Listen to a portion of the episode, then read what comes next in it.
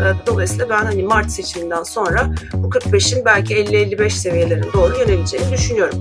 Siz Mart ayında zaten beklemiyordunuz diye hatırlıyorum. Sizin beklentilerinizde bir değişiklik var mı? Ya hani e, mütevazi olmak lazım. Ben okuduklarımı anlıyorum. Hani benim kişisel beklentilerim de olamıyor o şekilde. Ya Trump gelirse ne yapacak şimdi?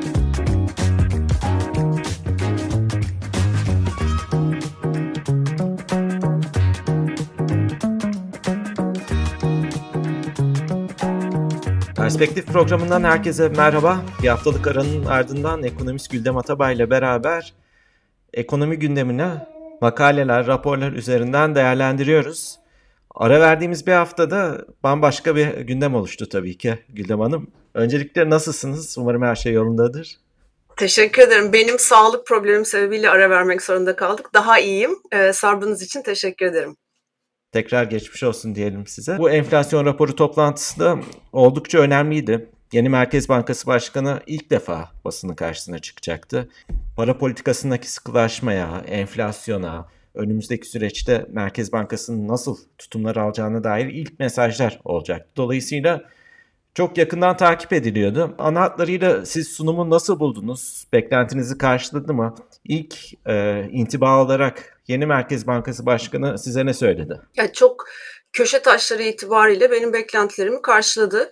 Ee, bir tanesi Gaye Erkan'ın gelmesiyle başlayan süreçte böyle bir takım huzursuzluklar vardı. Hani artık onlar eski konu geçmiş hani kapattık.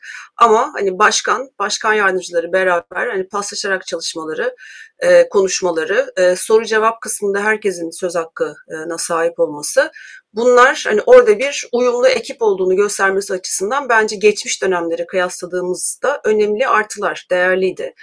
İkincisi tartışılan bir konu vardı. E, işte pivot e, zirve yaptı %45'te politika faizi. Bu gerçekten yeterli olacak mı? Özellikle Ocak ayı enflasyonu arkasından gelen tartışmalar e, bunun zaten kapısını açacaktı e, yabancı yatırımcı gelmedi bu faiz seviyesiyle anlamlı şekilde. Hani bundan sonra parasal sıkılaştırma ne şekilde olacak? E, faiz artışları olacak mı, olmayacak mı? Yoksa işte miktarsal önlem adımlarla mı devam edilecek? Bu ne kadar etkili olacak? İşte %36 hedefi mi e, revize edilecek yukarı yönlü? Yoksa gerçekten bu işi biz ciddiyetle ele alıyoruz. Mesajı verilebilecek mi? E, bunlar önemliydi. Bunlar çok temel merkez bankacılık e, basamakları diyelim aslında. Eğer enflasyonla bir hedefiniz varsa ve düşüremiyorsunuz tabii ki daha sıkı para politikası mesajını verirsiniz. Ama hani biz 2018'den beri neler geldi başımıza kurumsal olarak merkez bankacılık açısından ve enflasyonda neredeyiz? Dolayısıyla çok temel e, kavramların yerinde olduğunu görmeye bence ihtiyacımız vardı.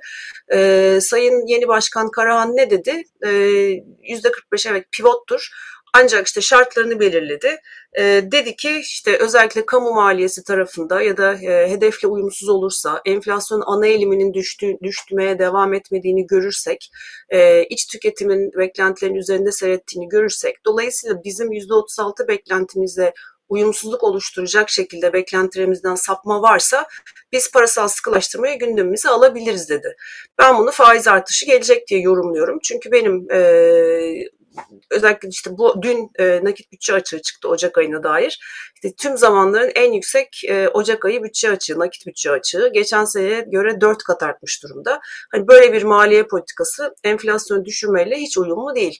Ve bunun yerel seçime kadar da devam edeceğini düşünürsek siz Temmuz'da yaptığınız vergi artışları ve TL'nin değer kaybı üzerine, Ocak ayında yaptığınız e, kamu fiyatlarındaki ayarlamaların üzerine bir de 3 ay boyunca mali disiplinsiz bir harcama e, temposuna devam ederseniz enflasyonda hedefi tutturamazsınız. Dolayısıyla da faiz arttırmanız gerekir. Ben bunu bence duydum Karahan'ın ağzından. E, dolayısıyla ben hani Mart seçiminden sonra bu 45'in belki 50-55 seviyelerine doğru yöneleceğini düşünüyorum. Biraz daha ciddileşti iş bence. Onun dışındakiler hani daha detaylara takılabiliriz ama e, Kavcıoğlu'ndan sonraki dönemde bir hani kuantum sıçraması varsa Gaye Erkan sonrasında da artık bir birey ve hırsları değil bir ekip çalışması görüyoruz. Ee, daha uyumlu olmuş. Hani kim ön planda kim arka planda tartışırız ee, ama bir söz birliği var. Bu da e, rahatlatıcı. Kısa vade. Büyük vadede çok değişen, uzun vadede değişen bir şey olduğunda ne yazık ki düşünmüyorum. Cevdet Akçay'ın yaptığı tespitlere, açıklamalara baktığımızda önceki döneme ilişkin çok net eleştirel bir yaklaşım da ortaya konmuş oldu. Siz ne gördünüz Cevdet Akçay'ın açıklamalarında? Siz nasıl değerlendiriyorsunuz? Şimdi ben Unicredit baş ekonomistiyken Cevdet Hoca da Yapı Kredi'nin baş ekonomistiydi. Hani e, birebir çalışmasak da uzaktan paslaşarak ya da ben onu okuyarak, öğrenerek, dinleyerek, e, zaman zaman mailleşerek çalışma şansı buldum. Dolayısıyla Cevdet Hoca'nın tam olarak kendi üslubu, hatta kendi üslubunu biraz da baskılamış bir şekilde konuştuğunu e, söyleyebilirim. Tanıyanlar, benden çok daha iyi tanıyan ekonomistler var profesörlerimiz arasında. Hani hepsinin herhalde fikir birliği olacaktır. Genelde sert bir üslubu vardır e, kafası çok hızlı çalıştığı için de hani karşı tarafı e, biraz daha siz anlamıyorsunuzla yaklaşır genelde. E, ama bu dediklerinin doğru olduğu gerçeğini değiştirmiyor. Üslup, üslup değişik bir Merkez Bankası Başkanı ya da Başkan Yardımcısı olarak Türkiye'de siz İngilizce kelimelerle belki e, konuştuğunuz için farklı yansıyabilir. Hani ne dedi? Enflasyon politika farzasındaki link koptu dedi. Ee, hani link e, bizi anladık ama hani Merkez Bankası olarak çok daha geniş kitlelere mesaj verdiğinizi düşünürseniz hele ki, hele ki enflasyon hedefinde çıpalamak istiyorsanız çoktan kopmuş gitmiş beklentileri belki Türkçe konuşmanız biraz daha faydalı olabilir. Orada e, Hatice Hanım da Fatih Bey'in konuşmalarına biraz daha belki bakmak lazım. Hani artık üçlü bir ekip olarak, e, üç kişilik bir ekip olarak tek bir söylem, görev dağılımı olarak bakabiliriz aslında artık onlara. E, Cevdet Hoca'nın dediği neydi? E, tam da Kavcıoğlu'nun söylediği, biz politika faizini etkisizleştirdik teki başarının yarattığı korkunç durumu anlattı. Biz 7 aydır bunu düzeltmeye çalışıyoruz dedi. İşte enflasyon politika faizi, ortalama fonlama maliyetiyle mevduat faizi, e, faizle kur ilişkisi koptu. Yani para politikasını tamamen etkisizleştirdiklerinin e, itirafını yaptı bir önceki dönemde. Ama hani neden yapıldı, nasıl yapıldı, e, hani bunun sorumluları kimdi, hesap e, verilir verilmez bu detayları tabii ki ee, yani bunlar biraz daha siyasi yaklaşımlar. Şu andaki Merkez Bankası'nın para politikasında ve başkan ve yardımcılarının görevi ellerine aldıkları bu çok yüksek enflasyonu düşürebilmek e, ve onu istikrarlı bir hale getirebilmek. Hani üslup tartışmalı olabilir. Başkanın ilk e, toplantısında öne çıkması ağırlığı ne kadar son iki dakikada konuşsa da en vurucu şey söyleyen taraf olarak aslında herkes Cevdet Akçay'ın söylediğini tartışıyor olması öne çıkmış olabilir, baskılamış olabilir. Ha, bu ne zaman önemlidir? E, mesaj alındıktan sonra ekonomistler ve diğer yatırımcılar tarafından bunun bence çok önemi yok. Hani Fatih Karahan'la Cevdet Akçay arasında uyumsuzluk olur mu bu sebeple? E, para politikası e, uygulamalarında bir e, aksama yaratır mı? Öyle gibi gözükmüyor. Dolayısıyla e, çok Cevdet Hoca'nın karakterine uygun e, bir tavır e, iki tarafında e, hani anlaşmasını bozacak nitelikte gözükmüyor.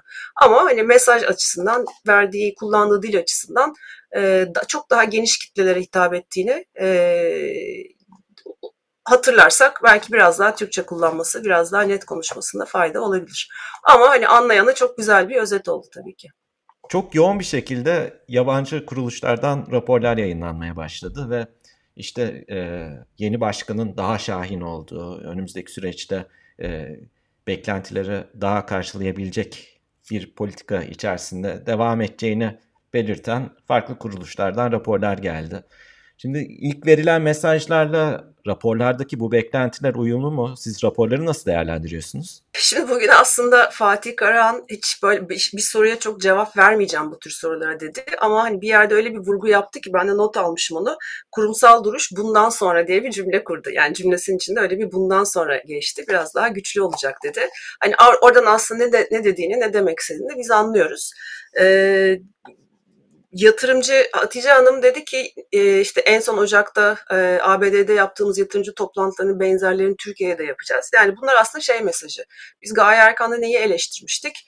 E, toplantı öncesi işte o sessiz dönemde yatırımcılarla bir takım Merkez Bankası'nın, Türkiye Cumhuriyet Merkez Bankası'nın atacağı adımlar konusunda ipuçları veren bir takım görüşmeler yapıyor işte masasında şu kadar yatırım duruyor. Şu fon e, yöneticisi Gaye Hanım'ı arıyor. İşte ben şu kadar getiriyorum diyor. Yani böyle bir bire, bireysel ilişkiler üzerinden yürütülen bir süreç gibi dışarı geliyordu. Zaten gidişi bunu e, doğrulamış oldu. E, hani görevden alındı alınmadı vesaire. Hani aile tartışmalarını kenara koyalım.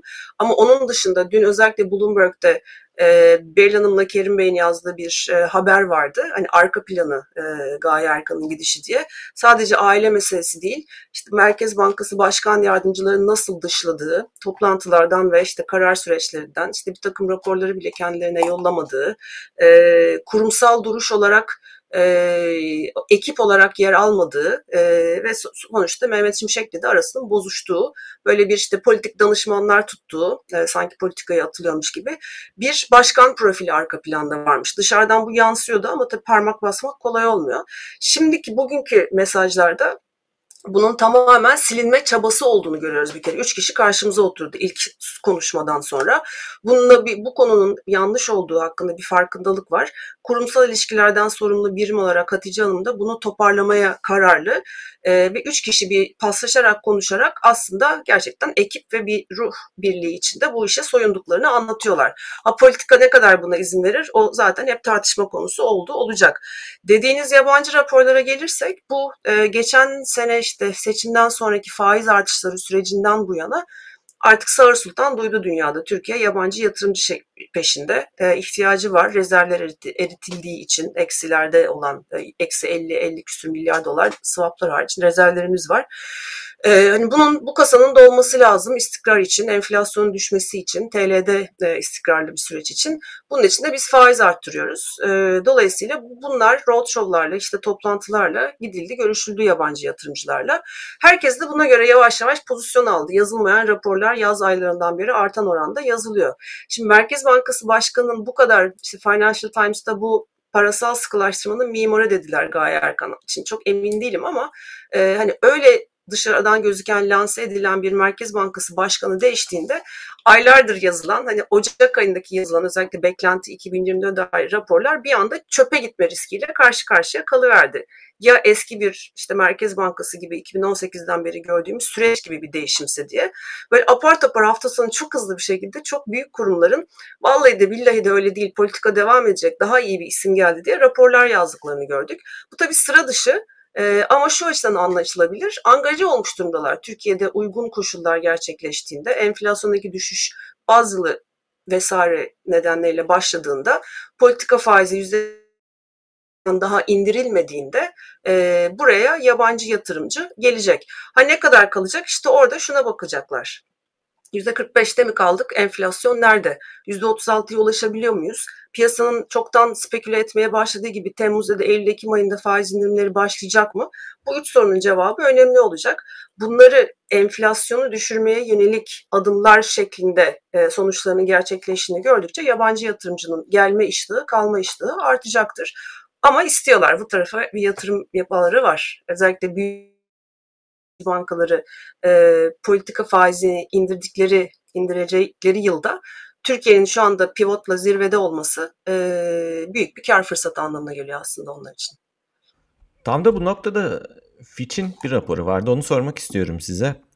Fitch tabii ki Türkiye ile sınırlı olmayacak bir şekilde bir rapor yayınladı ve e, Türkiye'nin de içinde bulunduğu gelişmekte olan en büyük 9 ülkeye diğer gelişmiş ülke merkez bankalarının izlediği politikaların ve küresel ekonomideki gelişmelerin de bir sonucu olarak birazcık e, yoğun bir sermaye girişi, para girişi olabileceğini ve 200 milyar doları bulabileceğini bu girişin vurguluyor Fitch. Tabii ki bu tartışılırken Türkiye 200 milyar dolar mı giriyor gibi bir tartışma da ortaya çıktı. Siz Fitch'in raporunu okudunuz mu? Nasıl değerlendiriyorsunuz? Okudum şimdi karşına da açık. Diyor ki Fitch e, işte bu gelişmekte olan ülkelerin kim oldukları belli. İşte sıralamış Kore, Polonya, Türkiye, Hindistan, Meksiko, Endonezya, Güney Afrika, Rusya, Brezilya e, sıralamış. Diyor ki 2007'de küresel finansal krizden önce zaten 408 milyar dolar girmişti. Bu o ülkelerin gayri safi milli hasılarının %5'ine eşitti. Sonra işte küresel finansal kriz oldu. Bu para çıktı, geri geldi. Sonra 2013 döneminde 200-300 milyar dolar, %2'si 3'ü gayri safi milli alsan olarak geldi. Arkasından işte bu e, pandemi, faiz arttırma süreci vesaire derken e, gelişmekte olan piyasalar yüzde dışarıdan aldıkları fon akışları 100 milyar dolar civarına indi ve safi milli hasılanın %1'ine kadar geriledi. Şimdi dünyada işte enflasyonla mücadelede adım atıldıkça işte Brezilya, Meksika, Endonezya ve belki Hindistan özellikle büyüme potansiyeli Çin'in de bu sene önüne geçiyor. 2 senedir, 3 senedir hatta. Onlar ön plana çıktıkça faiz indirimlerinin büyük merkez bankalarında ve Rusya'nın tabii yaptırımlar var üzerinde diğer gelişmekte olan piyasalara para akacağı anlamına geliyor anlamına geldiğini söylüyor. Bunun da zaten dibe vurmuş 100 milyar doların üzerinde hani 300 milyar dolar demiyor 2010-2013'teki gibi ama 200 milyar doları bulma ihtimali yüksektir diyor. Şimdi burada bizim basına Türkiye'de dahil 200 milyar gibi yansıdı ama aslında burada Türkiye özeline çok girilmemiş. Bir fon akışında artış beklentisi var grafiklerini anlıyoruz. Ama asıl bahsettikleri ülkeler arasında e, Fitch'in şu raporunda henüz Türkiye yok. Gelişmekte olan piyasalara akacak paradan anlıyoruz ki mevcut para politikası, mevcut maliye politikasının gevşekliği eşliğinde e, Türkiye'ye gelen biraz ortalamanın altında kalabilir. Bu kadar bir iki, iki katına çıkarken fon akışı. Yani Türkiye'nin bu konuda atak olması lazım. Biraz daha kararlı politikalar izlemesi lazım ki e, bu 200 milyar dolardan alması gereken payı doğru şekilde alsın. Şu andaki görüntüde e, Türkiye böyle önde koşan e, ülkeler arasında değil o gruplamada. Peki bir yandan da dünyaya ilişkin olarak da raporlar yayınlanmaya devam ediyor. Biz geçtiğimiz programlarda bu senenin seçim senesi olduğunu ve buna bağlı olarak Amerika'da da bir değişim olabileceğini ve yeniden Trump'ın başkanlığı olabileceğini konuşmuştuk. Ee, Trump ihtimali çok tartışılmaya başlandıkça ve Trump hem kendi partisi nezdinde hem de karşısındaki şu an rakip aday olarak Başkan Biden bulunduğu için ona karşı da anketlerde güçlü bir şekilde gelmeye devam ettikçe o ihtimal artık e, ete kemiğe bürünmeye başladı diyeyim ve gelirse ne oluru konuşmaya başladık. Ve bunlardan bir tanesi de bu hafta ilginç bir rapor olarak Commerzbank'dan çıktı. Tabii ki kapsamlı bir rapor, farklı konuları da ele alıyor. Ama ben çıkış noktası olarak size şunu sorayım. Doların akıbeti ne olur üzerine bir tartışma yapılırken Trump'ın etkin bir şekilde Fed'in bağımsızlığını sonlandırabileceği bu da dolar açısından negatif bir sonuç yaratabilir gibi bir tespit var.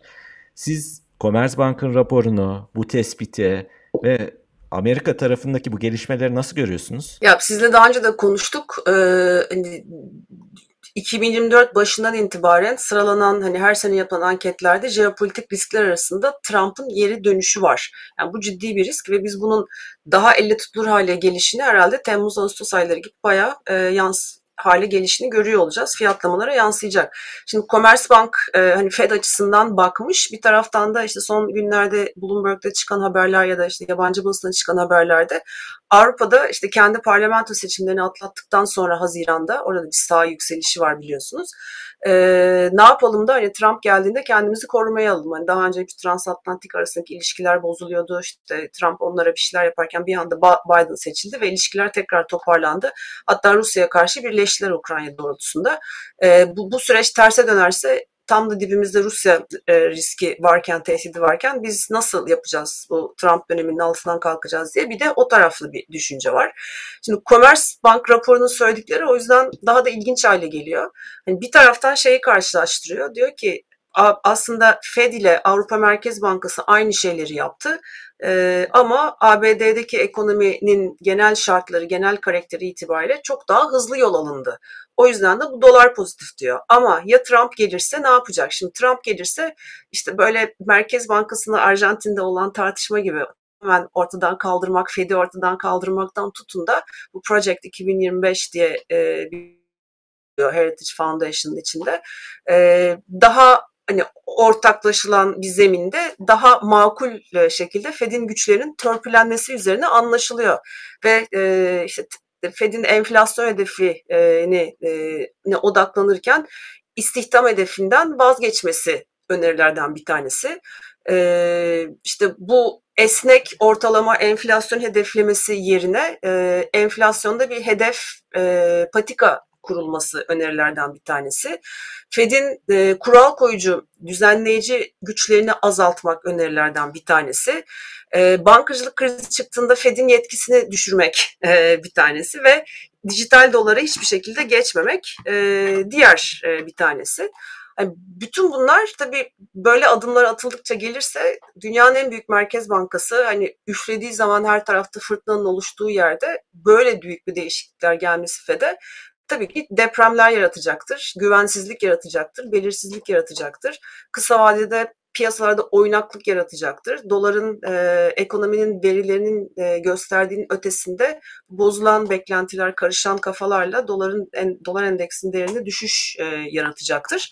E, o yüzden Trump'ın gelmesi gerçekten hani sadece ekonomik olarak değil, jeopolitik risk olarak değerlendiriliyor. Hem işte Avrupa ile ilişkiler hem de bu tür işte kurumsal e, kapasiteyle ilgili Fed'in en güvenilir kareleri, işte Anayasa Mahkemesi'nde olanları gördük e, ABD yüksek mahkemede. E, yani bu tartışmalar tekrar uzun süre gündeme gelecek. Tam da ne zaman işte Orta Doğu'da gerginlikler var. Tam da Ukrayna işgali e, devam ederken oldukça zorlayıcı bir süreç olabilir her açıdan. Her yönden, her açıdan. Her açıdan gerçekten öyle olacak ve biz de tartışmaya devam edeceğiz. Son olarak FED demişken şunu da söyleyeyim size. Ee, bu hafta bu, sizinle son yaptığımız programdan bu yana araya bir FOMC de girdi. Onun sonrasında evet. e, kuruluşlar yıl sonunda öne çekmeye başladıkları e, faiz indirim beklentilerini biraz ötelemeye başladılar. İşte son olarak Goldman Sachs ve UBS de Mart ayında Mayıs ayını öteledi. Siz Mart ayında zaten beklemiyordunuz diye hatırlıyorum. Sizin beklentilerinizde bir değişiklik var mı? Ya hani e, mütevazi olmak lazım. Ben okuduklarımı anlıyorum. Hani benim kişisel beklentilerim tabii olamıyor o şekilde. Ama ben okuduklarımdan e, Haziran'dan önce bir faiz indirme pek yanaşmak istemediklerini anlıyorum. E, çünkü orada da işte en basitinden e, bu Kızıldeniz'deki olaylar evet pandemideki gibi mesela bütün tedarik zincirlerini aynı anda bozmuyor. Ama küçük küçük Avrupa ekonomisine daha öncelikli ABD'ye daha e, anlamsız ölçüde azalarak giden bir enflasyonist baskı yaratıyor.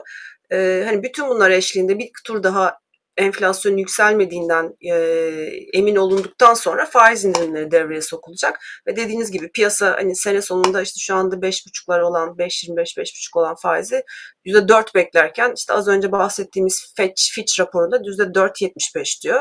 Fed diyor ki işte 6-7 faiz indirimi değil ben sadece 3 faiz indirimi yaparım diyor.